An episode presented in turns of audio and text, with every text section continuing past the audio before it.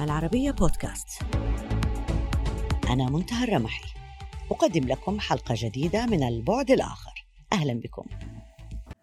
يعد جورجو رومانو تشوتي أحد أبرز منظري السياسة الخارجية في البرازيل. وهو باحث رفيع المستوى في العلاقات الدولية بجامعة اي بي سي الفيدرالية البرازيلية. في السنوات الأخيرة أصبح يعد أحد أبرز من يطلق عليهم مفكري عالم الجنوب. لفت الأنظار في الآونة الأخيرة بمقال اختار له عنوانا وهو نهاية الغرب. يرى فيه أن حرب أوكرانيا كشفت عن عدد من الحقائق المريرة. فقد أثبتت أن قادة أوروبا وقادة الرأي فيها ليس لديهم مطلقا أي فكرة عن وجهات نظر وانتظارات العالم غير الغربي المعروف الآن باسم الجنوب العالمي. ويرى بأن عدم اتباع دول مثل البرازيل وجنوب إفريقيا والهند بشكل أعمى لروايات وسياسات دول الناتو وحلفائها لا ينبغي أن يفاجئ احدا. ويستدرك قائلا هذا لا يعني أنهم يوافقون على الغزو الروسي لأوكرانيا. جاء مقال المفكر ضمن سياق السجالات الدائرة حول استمرار أو احتمال أفول نفوذ الغرب. تغذي تلك السجالات أعمال من أبرزها كتاب موت الغرب الذي صدر منذ سنوات للأمريكي باتريك جي بوكانان الخبير ومستشار رؤساء أمريكيين بالطبع بالطبع وذلك في ذروة الجدل حول الهجرة وأزمة النمو الديمغرافي في أوروبا. وهناك مقالة وداعا للغرب لوزير الخارجية الألماني الأسبق يوشكي فيشر التي قدم من خلالها رؤية متشائمة لمستقبل الغرب إثر صعود الرئيس الأمريكي السابق دونالد ترامب سنة 2016 وعقبتها مقولة الموت السريري لحلف النيتو التي أطلقها الرئيس الفرنسي إيمانويل ماكرون. وفي ضوء تداعيات الغزو الروسي لأوكرانيا تظهر مقالات وإصدارات جديدة حول نهاية الغرب. من ضمنها مقالة للباحث الألماني المتخصص في التاريخ المعاصر بجامعة كونستاتس الألمانية ألبريشت كوشكا بعنوان أيام الغرب باتت معدودة. اسمحوا لي أن أرحب بضيفي المفكر البرازيلي المعروف جورجو رومانو شوتي. أهلا بك معنا بروفيسور رومانو. Welcome. Thanks for inviting شكرا لاستضافتي لبرنامجكم.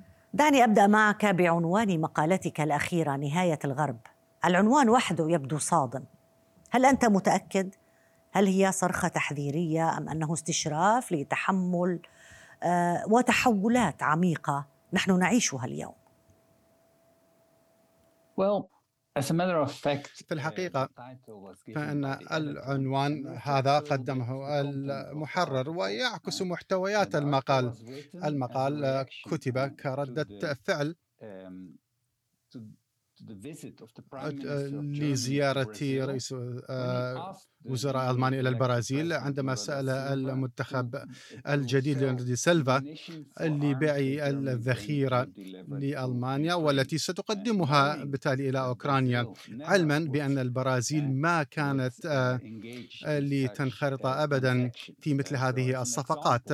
ف وهذا آه، مثال عن توقعات وآمال الغرب فيما يخص جنوب العالم وما يحصل في أوكرانيا. وقد أوضح مرة أخرى كيف هي ما سميتها منفصلة عن واقع الجنوب الكرة الأرضية.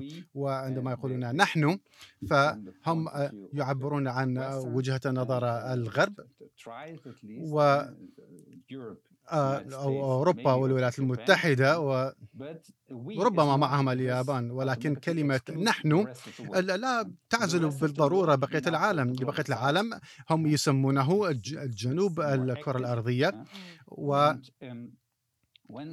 وعندما نتحدث عن نهاية الغرب هي ليست حرفيا بل حول نهاية نفوذ الغرب أي أن العالم القديم يدور حول الغرب وكل الأفكار الجديدة تأتي من الغرب وأن كل شيء يجب أن يكون بموافقة الغرب وأن العالم حتى في مؤسساته المترابطة تهيمن عليها من قبل الغرب. هذا هو معنى نهاية الغرب في المقالة. أين لعبت الحرب في أوكرانيا دورا في مثل هذه التقييمات؟ وهذه الخلاصات برأيك؟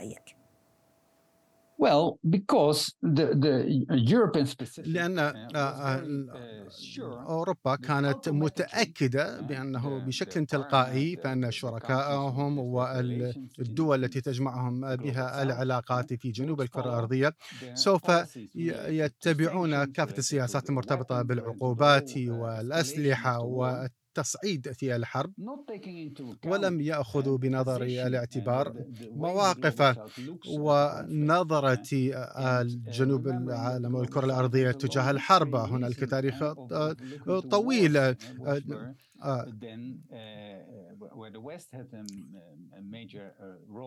مثلا حول الدور الرئيسي من قبل الغرب مثلا لدمار العراق أو الحرب في أفغانستان أو ليبيا.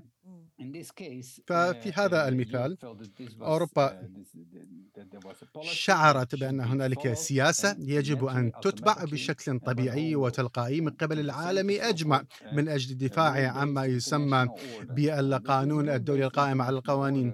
أو هذا النظام هو نظام غربي. والمشكلة هنا هي أن هذه الحرب في أوكرانيا أوضحت بشكل جلي. أن ومن المدهش كيف أن مثلا الهند وأفريقيا الجنوبية والبرازيل والمكسيك لم تتحدث فيما بينها وتتحاور بل بشكل تلقائي كان لديهم نفس وجهات النظر إذا مسعنا وزير خارجية الهند والقادة. في آه، جنوب أفريقيا كلها متشابهة جدا. ممتاز أنك وضحت لي هذه النقطة أن المسألة ليست مساندة لغزو أوكرانيا وإنما هي خلاف على طريقة التعاطي مع هذه الأزمة. بذكرك دائما للجنوب والشمال والغرب والشرق آه، يعني دعني أتذكر معك ما ذكره الأمين العام للامم المتحده انطونيو غوتيريش مرة بانه شركات غربية كبيرة اتهمها بأنها تحقق أرباح مهولة على حساب الفقراء في العالم. لكن لا نستطيع أن ننسى في هذه القراءة دولة مثل الهند مثلا التي آه، آه، استغلت أوضاع الحرب في أوكرانيا وبدأت بشراء النفط بأسعار زهيدة جدا من روسيا قد تدخل في نفس السياق في هذا الإطار أيضا. لا أظن ذلك. أسعار النفط بلا شك تحدد بشكل خاص فحتى الدولة التي تعتمد على الصادرات ودورة نامية أو ناشئة مثل الهند تبحث عن أرخص الأسعار. وعلينا أن نتذكر بأن الهند عندما زادت من صادراتها. وارداتها للنفط من روسيا لم تكن لأسباب سياسية هي تشتري النفط لأنه متاح ومتوفر في الأسواق بأسعار أرخص.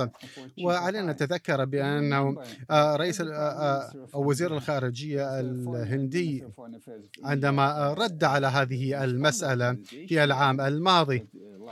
أوروبا استمرت بشراء الغاز والنفط وحتى الفحم بعد أشهر طويلة. من 2020 وما اشترته أوروبا من النفط كان أكثر بكثير مما اشترته الهند آه، أو في زيادتها من المشتريات. طيب دعنا نؤسس لعنوان عريض لهذا النقاش. لو سمحت سيد جورجو آه، ما هي الفكرة المركزية التي يمكن الحديث عنها أو التي يمكن الاستناد إليها آه، في الانتقادات الموجهة للغرب بشكل عام؟ اولا النظام الدولي بأكمله. آه، مبني على هذه الهرمية وهو الوسط والمحيط. آه، حلم الدول المحيطة والعالم المحيط هو تجاوز هذه الوضعية وهو التنمية. وهذا يعني المجتمع الدولي الذي يحصل بينه المساواة وخلق المجتمعات المتكاملة عالميا. فهذه العملية التاريخية منذ 500 عام من بناء العالم سواء كانت في المركز أو في المحيط. بعد ذلك شهدنا بروز الصين وهي دولة كبيرة جدا تمكنت من تجاوز هذه الوضعية. ولهذا السبب لا نقول بأن الدول ترغب باتباع نفس الخطوات ولكن النتائج أظهرت بأن هذا الأمر ممكن وأن العالم بات متعدد الأقطاب. وفي نفس الوقت من الناحية الديمغرافية فإن الغرب يواجه انخفاضا أو انحدارا وحتى أن ثقل الغرب آه، عالميا أو في الاقتصاد العالمي أيضا قل وضعف وهذه عملية طبيعية وليست مجرد نقطة تحول واحدة أو لحظة واحدة من التحول في التاريخ بل هي عملية مستمرة وخاصة الولايات المتحدة تواجه صعوبات كبيرة جدا في قبول ذلك ولتقسيم الكعكة. وربما ما عادوا هم الذين يكتبون الايصالات أو يحددون القرارات فيما يخص الحصص أو حصص العالم أو ما يقدم للاخرين هنالك ثقافات أخرى ودول أخرى أيضا تشارك في هذه العملية عمليه البناء أو ما اقصده هو النظام الدولي الجديد والذي ما عاد يتمحور حول المفاهيم الغربيه أو القيم الغربيه وفكره الجنوب الكره الارضيه هو ان العديد من الدول باتت تشعر بشكل متزايد بأنه من الضروري ومن الممكن حتى أن تتغير قواعد اللعبة هذه. ولكن هذا لا يعني نهاية الغرب بل نهاية هيمنته. على على العالم على العالم كله. لكننا وكأننا نتحدث عن الغرب كله كوحدة واحدة. لا نميز ما بين الولايات المتحدة الأمريكية بأفكارها وطريقتها وتعاملها مع الملفات الدولية وبين أوروبا هل الغرب كله وحدة متجانسة؟ هل نستطيع أن نقول كلمة الغرب بهذا الشكل المفتوح دون تخصيص؟ That's a very هذا نقطة مثيرة جدا للاهتمام. في الحقيقة فيجب أن نميز بين الاثنين ولكن ما حصل أنه خلال إدارة ترامب. بدأت أوروبا أن تدرك درجة ضعفهم بسبب الاعتماد على الولايات المتحدة واتباعهم لأمريكا ضمن إطار الناتو وكافة التحالفات على مدى التاريخ فخلال إدارة ترامب آه، أحد الآثار الجانبية. هي حركة قوية. آه، لطالما كانت موجودة في أوروبا ولكنها أصبحت آه، أو زادت أهميتها وهي البحث عن الاستقلالية الاستراتيجية. أو هذه بالتأكيد تصب في مصلحة جنوب الكرة الأرضية. ولكن ما حصل خلال حرب أوكرانيا أو غزو أوكرانيا منح فرص كبيرة جدا للولايات لإعادة تعزيز سيطرتها على أوروبا وتظهر لهم بأن دفاع أوروبا يعتمد بشكل كبير أو بالكامل على أمريكا. وخاصة فيما يخص هذا التفكير الاستقلالي الفرنسي. سمعنا ماكرون في خطابات مختلفة سواء حول الصين أو أوكرانيا. وحتى في مجموعة السبعة وفي شاهدنا ذلك في اليابان ارغام اجبارهم على تشكيل وجهه موحده للغرب فهي مساله آه، بيد أمريكا ترغب بتوحيد الغرب من ضمنهم حتى كوريا الجنوبيه واليابان وهذه الدول تشعر إلى الان وخاصه ان لديها الجنوب الامريكيين في كوريا الجنوبيه واليابان والمانيا لأن هذه الدول تشعر لاسباب امنيه انها لا تزال بحاجه إلى أمريكا أمريكا هي بالتأكيد القائد الأعلى بسبب الدولار ويمكن التحدث عن ذلك ولو أن الأمر مشكوك فيه. والقوى الاقتصادية والقوى السياسية والقرار السياسي الموجود في الولايات المتحدة الأمريكية. لكن هل ما نتحدث عنه هنا هو مراجعة آه، لتشكيل المنظومات العالمية بشكل عام حتى مجلس الأمن منها؟ Well, الولايات المتحدة تبذل كل ما في وسعها من أجل المحافظة على قبضتها وأن تبقى هي في السلطة. أسلوب آه، تحقيق ذلك آه، بواسطة ترامب كان تسبب الكثير من اللبس مثلا أن نجعل أمريكا عظيمة مرة أخرى ورفع شعارات رونالد ريغان من الثمانينات إذا ما تذكرتم. ولكن ترامب فعل ذلك أيضا من خلال استفزاز in, in وحتى أسلوبه العدائي تجاه حلفائه أوروبا أو كوريا الجنوبية أو اليابان. أما بايدن فلديه مقاربة أكثر ذكاء. هي ليست ناجحة تماما ولكنه يدرك بأنه لا يكفي لاستخدام القوة لفرض الضغط على الآخرين بل عليه أيضا أن يعزز قدراته التكنولوجية والاقتصادية أيضا. لا يستطيع أن يحتوي الصين فقط بفرض العقوبات مثلا على تصدير الرقاقات أو الضغط على جنوب كوريا الارضيه لعدم الانخراط بشكل كبير مع الصين. يجب أن يعرض أيضا شيء بالمقابل لجنوب كوريا الأرضية والمشكلة برمتها لكل هذه المليارات من الاستثمارات في أمريكا لتعزيز قدراتها التكنولوجية. واضح. لما عندما نتحدث إيه، عندما نتحدث عن عن تأصيل ومحاولة إحياء فكرة عودة عالم متعدد الأقطاب يجب ألا ننسى بأنه بداية طرح هذه الفكرة جاء من أوروبا يعني لدى نخب أوروبا أكثر من أي جهة أخرى. هل الآن ما يحصل وهذه السيطرة الأمريكية والحرب في أوكرانيا ربما تجعل هؤلاء يعيدون التفكير في المسألة هل ما زال لهم القدرة على التفكير في هذه المسألة أصلا؟ Well, في سبعينات القرن الماضي عندما كانوا يتحدثون عن متعدد الأقطاب كان لها مفهوم مختلف تماما والفكرة هي غربية أوروبا اليابان وأمريكا أما الآن عندما نتحدث عن متعدد الأقطاب فهذا شيء تطور من جنوب الكرة الأرضية وهو أساس مجموعة بريكس عندما قامت روسيا والهند والصين والبرازيل اجتمعت معا وحتى اللغة الكاملة التي دارت حول العالم متعدد الأقطاب آه، هي التي تأسست حينها من أجل تكي التركيز آه، أو المركزية في العالم في السبعينات عالم متعدد الأقطاب كان الحديث يدور حول اليابان وأوروبا وأمريكا. فقط ضمن هذا الإطار وفي شمال الكرة الأرضية أما الآن فهو إشراك العالم أجمع. فعبر ذلك عن نفسه خاصة بعد أزمة 2008 عندما بات جليا بأن الغرب ما كان فقط يهيمن ويدافع عن أفضليته بل أيضا تسبب بفوضى عارمة حول العالم سواء ماليا والمناخ ولا ما عاد قادرا على حل المشاكل بنفسه.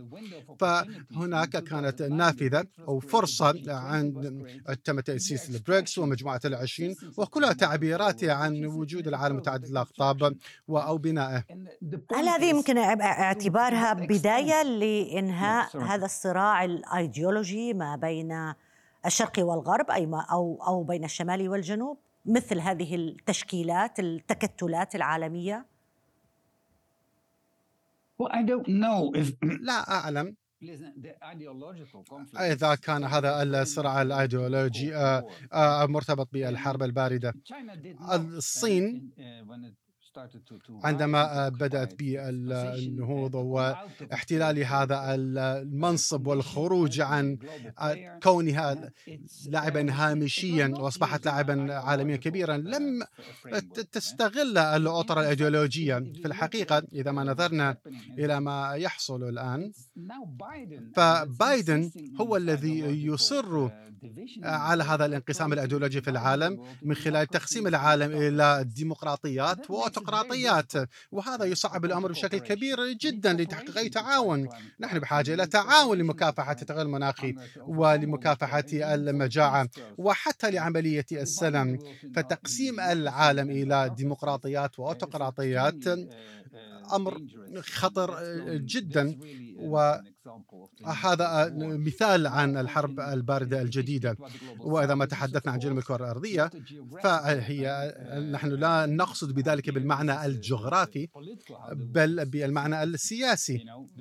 أي بقية العالم الذين لا يحتلون هذه المراكز الشرفية وهذا يشمل عدد كبير من الدول هي جغرافيا أصلا موجودة أيضا في الشمال أو في شمال الكرة الأرضية وحتى أستراليا موجودة أيضا في الجنوب ولكنها تعتبر من الشمال. ولكن لا يوجد نزاع أيديولوجي بين هؤلاء الذين هم على الهامش أو في هؤلاء في المركز. بل هي مجرد مخرجات العملية التاريخية حيث الثروات والسلطة تركزت عبر السبل العسكرية.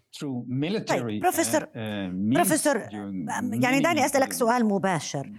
ما هي عربة القيادة الرئيسية التي تقود موكب الأمم؟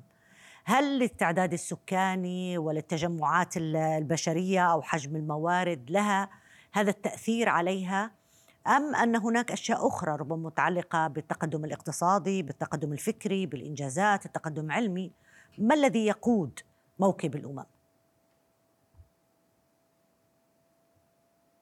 That's an interesting question. هذا سؤال مثير جدا للاهتمام. لأن الأمم مكونة من مجموعات مختلفة تماما وحتى طبقات اجتماعية مختلفة. فليس من الضروري أن تكون هي نفس الدوافع والمحركات في كافة دول العالم لأن هنالك ثقافات مختلفة. ولكن الأمم تريد أن تنمو وتتطور لكل مكان في العالم ويريد يكون لديها سيادة السيادة. سواء في الغذائي والطاقة. وكذلك في القرارات التي تتخذها ومع من يتفاعلون وينخرطون ف كل هذا السعي من أجل السيادة الحقيقية وليس فقط السياسية.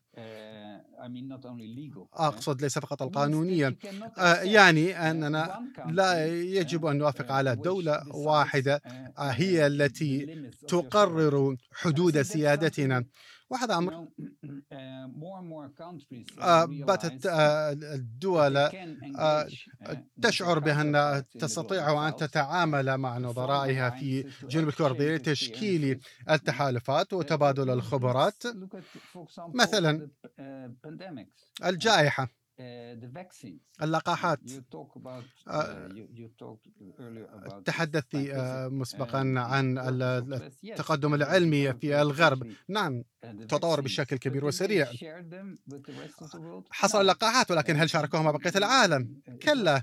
الصين هي التي طرحت اللقاحات وقدمتها للبرازيل وأسست هنالك مصنعا وحتى لتبادل الخبرات التكنولوجية. والآن البرازيل تنتج اللقاحات بنفسها. فكل هذه أمثلة وهنالك العديد من الأمثلة الأخرى. مثلا من أكبر الأزمات التي تواجهها هي أزمة المناخ. ومن الذي يعالجها أرفعها واحدة من المسائل التي طرحتها في المقال. والغرب وعد ضمن اتفاق باريس ب 100 مليار دولار سنويا ولم يحصل شيء بعدها وبعد حرب أوكرانيا ومن تقديم الأسلحة مثلا لم تغير الأوضاع على الرغم من كل دعمهم. الحرب مستمرة وتزداد سوءا. معك حق. لكن بروفيسور جورجو إذا سمحت لي هل يمكن أن يكون ما قاله وزير الخارجية الهندي لوسائل الإعلام العالمية أن هل يمكن أن يكون هذا هو ملخص الحكاية كلها؟ عندما قال على أوروبا التخلي عن فكرة أن مشكلاتها هي مشكلات العالم لكن مشاكل العالم ليست مشكلة أوروبا. هل يلخص هذه الحالة؟ Yeah, sure. نعم بكل تأكيد. وزير خارجية الهند آه، كان لامعا جدا في هذا التحليل وفي ردود أفعاله للانتقادات الغربية ليس فقط البرازيل. كذلك الهند. هناك ضغط كبير جدا من أجل التفاعل في هذه الحرب الصليبية. إن صح التعبير في أوكرانيا ومواقفها تجاه الحرب. وفي الحقيقة الحرب أوكرانيا أظهرت مرة أخرى وبشكل قوي وجلي كيف أن مصالح الغرب تعتبر هي مصالح العالم والمشاكل التي يواجهها الغرب وأسلوب حلها تماما أنه وصف دقيق جدا لشيء علينا أن نتجاوزه وفي الختام هذا يصب في مصلحة الغرب وهذا لأننا بحاجة إلى العالم كله من أجل مكافحة أزمة المناخ والجائحات والمحافظة على السلام فكري بكل مشاكل الهجرة على سبيل المثال. الغرب ليس لديه أدنى فكرة حول كيف التعامل معها وفجأة نوقف المهاجرين من أفريقيا وآسيا وبالنسبة لأوكرانيا باتت كل الأبواب مفتوحة للمهاجرين من أوكرانيا. فكل هذا النفاق والمعايير المزدوجة. الغرب ليس لديه أدنى فكرة حول كيفية حل مشاكل المهاجرين أو تدفقات المهاجرين. هنالك حلول عالمية في الختام. آه، كل ذلك يصب في مصلحة ما نسميها الآن الغرب من أجل تجاوز آه، فقط التركيز على أوروبا وليس فقط التركيز على أوروبا بل هو أيضا يعبر عن موقف أمريكا. هو وجهة النظر الغربية البحتة تجاه العالم. ويبدو أننا سنبقى نناقش مثل هذه الأزمات. بروفيسور جورجو رومانو شوتي شكرا جزيلا لك على المشاركة معنا. ألف شكر. وإلى هنا انتهت حلقة اليوم من البعد الآخر. يمكنكم دائما متابعتنا على مواقع التواصل الاجتماعي تويتر فيسبوك ويوتيوب. إلى اللقاء.